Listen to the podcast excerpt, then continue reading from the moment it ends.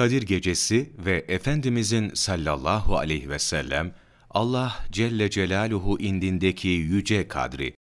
Enes bin Malik buyuruyor ki, Hazreti Peygamber sallallahu aleyhi ve sellem Efendimiz, geçmiş insanların ömürlerine göre kendi ümmetinin ömürlerinin kısa olması ve öncekilerin uzun ömürleri sebebiyle işledikleri amellere ümmetinin kavuşamayacağını düşünmesiyle Allahu Teala ona bin aydan hayırlı olan Kadir gecesini ihsan buyurdu.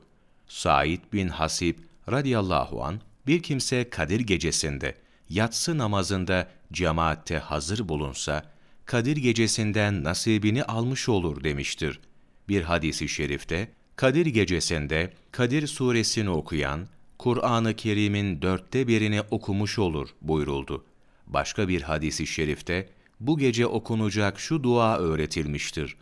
Allahümme inneke afuvun tuhibbul affe, fa'fu anni. Ya Rabbi, muhakkak ki sen affedicisin, affı seversin, beni de affet. İbni Abbas radıyallahu anh'tan bildirilir. Kadir gecesi olduğunda Allahu Teala Cebrail aleyhisselama yeryüzüne inmesini emreder. Sidret-i Münteha'da bulunan yetmiş bin melek de ellerinde sancaklarla beraber onunla inerler. Yeryüzüne indiklerinde Cebrail aleyhisselam ve melekler sancaklarını dört yere dikerler.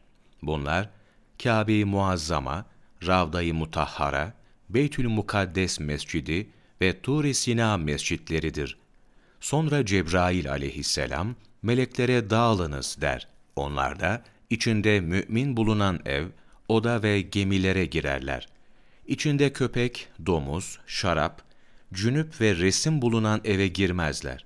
Melekler girdikleri evde tesbih, takdis ve tehlil ederler. Hazreti Peygamber sallallahu aleyhi ve sellem ümmeti için sabaha kadar istiğfar ederler. Sabah olunca gökyüzüne yükseldiklerinde dünya göğünde bulunan melekler onları karşılayıp "Nereden teşrif ediyorsunuz?" derler.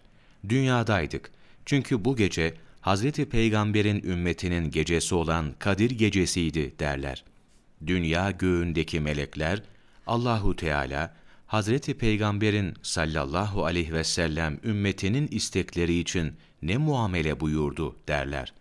Cebrail aleyhisselam buyurur ki, Allahu Teala onların salihlerini af ve mağfiret etti. Salihlerini günahkarlarına şefaatçi kıldı. Abdülkadir Geylani Kuddise Sürruhu Gunyetü't Talibin sayfa 306-307 16 Nisan Mevlana takvimi